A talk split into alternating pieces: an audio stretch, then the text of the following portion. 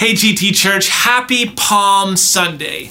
And if you're watching this right now and you have somebody beside you, why don't you throw your palms up and throw out some Palm Sunday high fives? If you're watching this by yourself, why don't you throw your two palms up and high five yourself? I mean, you're by yourself, so it's not super weird to high five yourself. Technically, high fiving yourself is really just clapping. And so, happy Palm Sunday. Everybody's here. We're glad that you're here and you're joining us. I'm going to jump into the scriptures with you today. My name is Adam Brown. I'm one of the pastors here on staff at GT, and we're excited that Easter is just around the corner.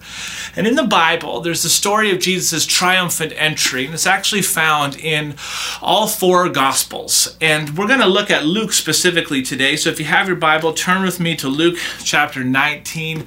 We're going to read it, we're going to look at it together. And specifically, what I want to do today as a part of our unexpected series. I want to look at four unexpected ways that God can use a donkey to help us better understand our church strategy this Easter. How does that sound? That sounds pretty good. Um, I heard a, I heard a guy of a guy. I heard a story. And there was this man. He was driving down the highway, and he had a donkey in the in the passenger seat. And so here he is. He's driving along. All of a sudden, some car comes and cuts him off. Do you know what he did? The man and the donkey looked at the guy in the other car, and this is what he did. He he honked. He honked. He honked at him. Get it? I just made that joke up. Actually, no, I didn't. I read it. Wanted to prep it. That's how I do sermon prep. I prep those jokes, and here we go. But uh, just joking. But no, for for real though, here's this guy. He's driving along the highway. Okay, he's got a donkey in the passenger seat, and as they're driving along, all of a sudden the the sirens go off behind him. He pulls over the car. A police officer walks up to him and says, "Excuse me, sir." I see you driving your car with a donkey in the passenger seat. It's, it's not safe. Uh, why don't you take that donkey to the zoo? The guy says to him, You know, that's a great idea. Thank you, officer. The officer drove away. The man went on his merry way. Well, a week later, this guy's driving down the highway once again. He's got his donkey in the passenger seat, except for this time they both got sunglasses on. Wouldn't you know it, the police officer, the same police officer, pulls him over again and says, Excuse me, sir, last week didn't I tell you to take the donkey to the zoo? The man says, Yes, you did. In fact, that was a great idea. I brought him into the zoo. Now this week, we're going to the beach. you see what I did there? That's good. That's good donkey humor for you. That's donkey humor. Kids, you're welcome people, you're welcome. But now let's look into some donkey truth. Okay, so if you have your Bible, why don't you turn with me to Luke chapter 19 and let's see what we can learn from this particular story, shall we? So, Luke chapter 19, verse 28 says these words It says, Jesus went on toward Jerusalem, walking ahead of his disciples. As he came to the town of Bethphage and Bethany on the Mount of Olives, he sent two disciples ahead now, this is where we need to pay attention because this is where our story really picks up. It says in verse 30 Go into that village over there, he told them. Now, I don't know about you, but for some reason, I just can't help but picture Jesus getting into kind of a, like a football huddle kind of stance. As if he's, he's sitting there with his hands on everybody's shoulders, like, hey, you guys, Thomas, Matthew, listen. You see that village over there? Yeah, yeah, we see the village.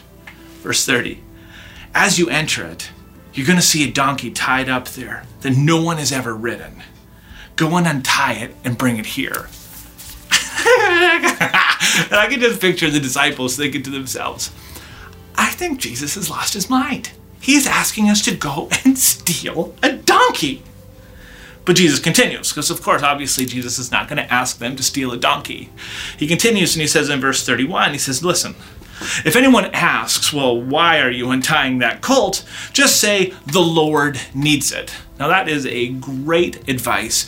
If perchance you ever find yourself taking somebody's donkey without asking permission first, just try the words, well, the Lord needs it. Maybe it'll get you out of trouble. Maybe you'll go to jail. We'll see. Um, just don't blame the church if that happens to you. Verse 32.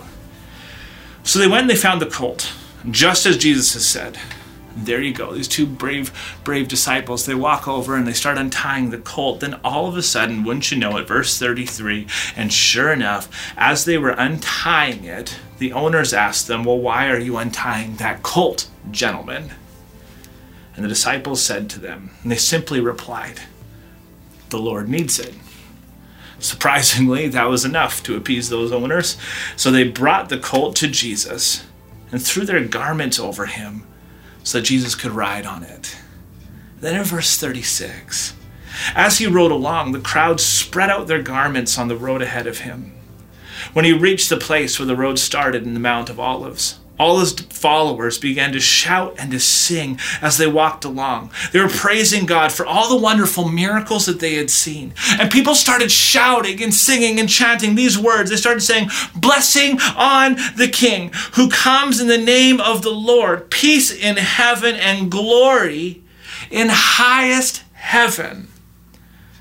But some of the Pharisees among the crowd said, Teacher, Rebuke your followers for saying such things. And in a, in a brilliant response, one part sass, one part confidence, Jesus looks these Pharisees in the eye and he says, Listen, if they kept quiet, the stones along the road would burst into cheers.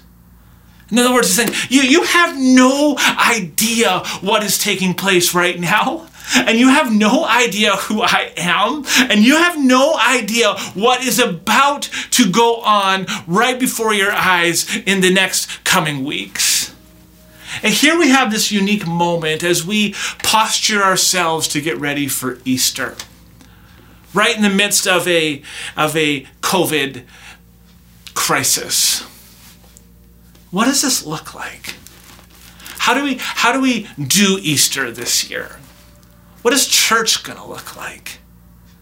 Well, this is where I want to look at four unexpected ways a donkey, four ways God could use a donkey to help us better understand our church strategy. Because you may or may not be aware, but we, ha- we have a church strategy. We always do. Pastor Andy, he's on it. And our church strategy looks a lot like this we want people to know God, we want people to find freedom, we want people to discover their purpose, and we want people to make a difference. So if we look at the scriptures again, and we look at verse 30, we get this picture of how um, we get this picture of how we can get to, to know God, or how God knows us, rather. Let's look at verse 30 together. It says, this is when Jesus he's huddling with his disciples and he's pointing out this this um, this donkey up ahead and he says, "Go into the village over there. As you enter it, you will see a donkey, a young donkey tied there that no one has ever ridden. I want you to untie it and bring it here. Now, this is a really fascinating piece of scripture. It's fascinating because Jesus knows an extraordinary amount of detail about this random donkey. And what this tells us is it tells us something interesting. It tells us that Jesus intentionally chose a specific donkey to fulfill a specific purpose.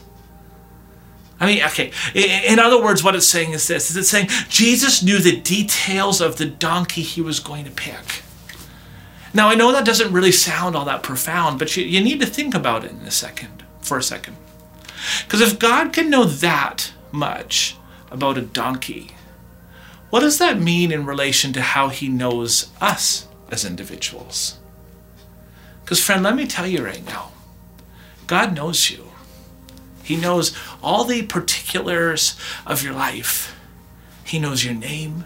He knows exactly what you're going through. He knows exactly what you're feeling. He knows the unrest. He knows the uncertainty, the worry. The, he, he, he knows what you're, what you're walking through right now. And not only does God know, but the beauty of Christianity, not only does God know you, but you can know God. And that's where we find our hope in seasons like this. As we prepare our hearts for Easter, we can find hope with the fact that we as individuals can know God. And not only can we know God, but God knows us and He knows what we're going through. Our circumstances are relevant to Him. He's paying attention. He cares. He's there. He listens. He understands what it is that you're going through right now. And there's a tremendous amount of security in that a tremendous amount of hope. In fact, that is where the rubber hits the road. That is why Christianity is so special. Because it's not just a worldview, it's not just a, a religion, but it's a personal relationship with a God who knows you, who knows about you, who knows your circumstances. And not only does he know you, but you can know him. And that is an important thing for us to remember as we get our hearts ready for Easter this week. So, the first strategy point is that we can know God. The second one is that we can find freedom. I mean, listen to the, what the Bible says about this, um, this donkey heist, right? It says in verse 30, 31, it says, If anyone asks, why are you taking this colt? Just say, well, the Lord needs it. And, and Jesus knows the, these, the specifics of how this donkey is in captivity. He knows the specifics of where he's tied up. He knows the specifics of, of what to say to his owner when the owner calls you out and catches you. Like, like Jesus knows everything about this donkey. In fact, Jesus knew exactly how to set the donkey free. Are you catching me here? Jesus knew all the details. He knew in exquisite detail, extraordinary detail, how practically and how specifically they needed to be in order to set the donkey free. And God knows specifically and practically how to set you free as well. And that is a beautiful thing. That is a beautiful thought.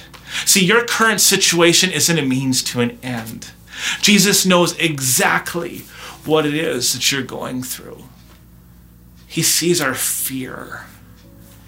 He sees our worry. He sees our anxiety. If you've recently lost a job, he sees that. It's not a surprise to him. Like, like your like your situation isn't a surprise. See, oftentimes we have habits or hangups or hurts. Oftentimes when, when, when crisis comes, we start indulging in things that we normally typically wouldn't indulge in. We start panicking, we start hiding, we start freaking out. We start doing things that previously we never typically find ourselves doing. Friends, Jesus specializes in setting people free. So if you're watching this today, I want you to hear that. That you can find freedom in Jesus. You can find freedom from whatever is ailing you, find freedom from whatever is holding you back or pushing you down. That's where we find our hope. We find our hope in the fact that Jesus still sets people free. And friend, it's important that you understand freedom isn't just a, a feeling you all of a sudden feel. It's not like all of a sudden you're going to pray and I think I feel free. Doesn't work like that. It's not just a feeling that you feel, but rather it's a process that you experience. And you need to hear that because it's very practical but very spiritual all at the same time. Freedom isn't a feeling you feel, Freedom is a process you experience, and it's a process that God wants to walk you through. So here at GT, we understand that freedom actually is, is often found in community. It's found in relationship. It's found with, with one another. And although we can't gather together, we can still walk through life together. That is the value and the beauty of the Christian church. And so we want to encourage you today. If you're not part of a small group, well, we're actually launching small groups right now. This week and next week, you can sign up for a small group. Join us this semester. We're not going to be gathering together as we typically would. We're going to leverage technology. We're going to leverage things um, in terms of being able to do video conferencing or video calls or even phone calls, however it looks. That doesn't really matter. What matters is that you have somebody in your life to walk life through with you. And so there's going to be details during the service to, to register to sign up for a small group. We want, we want to encourage you to do that. Take advantage of that. Go on the church website, whatever it is that you need to do to get connected. Get connected. Because now, more than ever, we need each other. You're not meant to live in isolation. You're not meant to walk this road out by yourself. And we're, we're here for you. We want to do this with you. We can find freedom together. So know God find freedom. The third one is fascinating. The third one, one we found in verse we find in verse 35. It says, So they brought the colt to Jesus and threw their garments over it for him to ride on. In other words, it's this simple. You listening? The donkey's purpose was to carry Jesus. That's it. The donkey's primary purpose was just to carry Jesus. You see, intuitively, sometimes we assume that when you become a Christian, Jesus carries us, right? Which means like, okay, boom, you become a Christian. Now, now Jesus is going to carry me. And I guess in essence, that's kind of true. He's going to be your strength. He's going to bring you purpose. He's going to bring you hope. But it's at the very core of what Christianity is, when it comes to finding your specific purpose, your purpose is actually found in being a Jesus carrier, just like the donkey. You see, because this is how it works. We are not called to be the hero. We're actually called to carry the hero. We're not called to be the Savior. We're called to carry the Savior. We're not called to be the healer. We're called to carry the healer. Are you catching what I'm saying here? Our purpose is actually to be just like Jesus, to be Jesus carriers. Now, I don't know specifically what that looks like in your world, but I can tell you, I bet you it's a lot more practical than you think it is.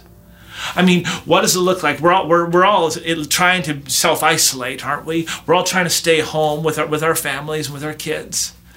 You see, one of the people that you can start bringing Jesus to, one of the people that you can start carrying Jesus to, is actually your very own children.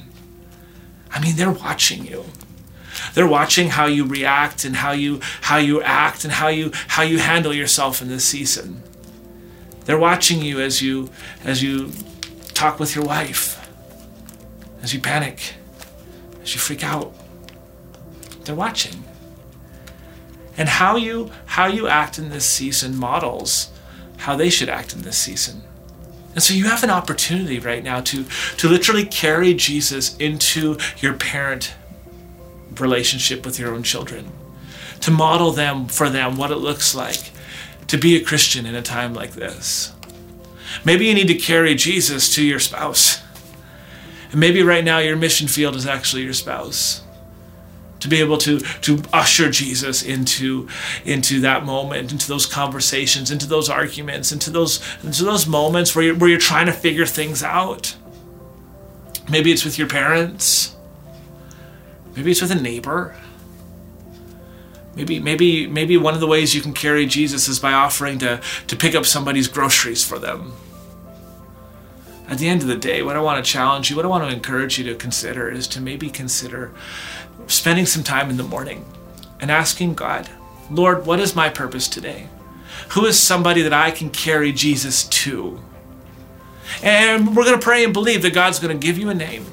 And we're going to pray and believe that God's going to give you the words to say as you carry Jesus to the people that need to hear Jesus the most. So we, we know God, we find freedom, we discover our purpose, and number four is make a difference as we read in verse 36. It says, As he rode along, the crowd spread their garments on the road ahead of him. And I can just picture Jesus riding on a donkey and, and, and the donkey's vantage point. I mean, the irony of this story is the story is not actually about the donkey at all. The story is all about Jesus. And isn't that true in our own life? So here's Donkey walking with Jesus on his back. And it says, When he reached the place where the road started down the Mount of Olives, all the followers began to shout and sing as they walked along, praising God for all the wonderful miracles that Jesus had did. We get this beautiful moment, this beautiful moment that, that fulfills Scripture, this beautiful moment that that that that tells such a profound story, a beautiful moment that brings so many people together.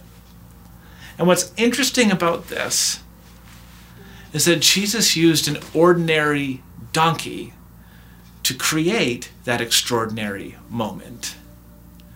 And to be honest with you, that's, that's God's specialty. God specializes in using ordinary people to do extraordinary things, to use broken people to, to, to make a difference, the likes of which we, we never really thought possible.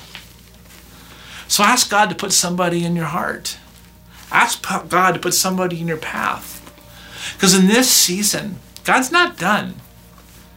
in this season, Easter's still coming. Tomorrow is still tomorrow. Now is still now. Present is still present. We're still here. And while we're still here and while we still have breath in our lungs, we have a responsibility. We have a responsibility to go out and to make a difference. Now, although things look different around GT this Easter, and they do, we feel it. We all feel it. We know it's different. I'm so thankful, though. I'm so thankful that GT is still a place where we can know God, still a place where we can find freedom, where we can discover our purpose, and where we can make a difference. I'm so thankful that regardless of the season that we find ourselves in, Jesus is still the same as he was before COVID 19. Jesus is still the same as he was when, when these words were written in this book. Jesus is the, still the same as he was when he, when he knit together the, the heavens and the earth. We're serving the same God, so don't be nervous this Easter season. Look to Jesus. And as Pastor Andy said last week, now is our opportunity to worship. We're going to worship through the crisis. We're going to worship through the storm. And we're going to gather together. And we're going to praise, just as the people did this day. Gather together and in our lips, off our lips, out of our mouths, say words, words of blessing. Blessing on the King who comes in the name of the Lord. Peace in heaven and glory in highest heaven. Praise God because He is real. And in the midst of these very real times, praise God that our faith still matters. Would you bow your heads with me, uh, wherever you're watching from? I'd love to pray for you. God, thank you that you're real. And Lord, we thank you that you are here right now, wherever it is that we find ourselves. Although we're not gathered together in one building, we are all gathered together under one name. And that name is Jesus. And Jesus, in this moment, I thank you, Lord, that we can know you. And maybe there's somebody watching who doesn't know you right now. God, thank you that you know them. And I pray that in this season, you would help them to come to a place where they can understand who you are and what it is that you want to do in and through their life. Jesus, I thank you right now that we can go to you for freedom and that we can find freedom from whatever it is that we're walking through in you. I thank you, Lord, that in you we can find purpose. We can find meaning to this life. We can find purpose in this moment, Lord Jesus. And I thank you, God. I thank you, God, that you're here and that you're wanting to use us to partner with us as your rescue plan for humanity to make a difference all across this world. So, Jesus, we praise you. We thank you. We give you all the glory. In your name we pray. Amen.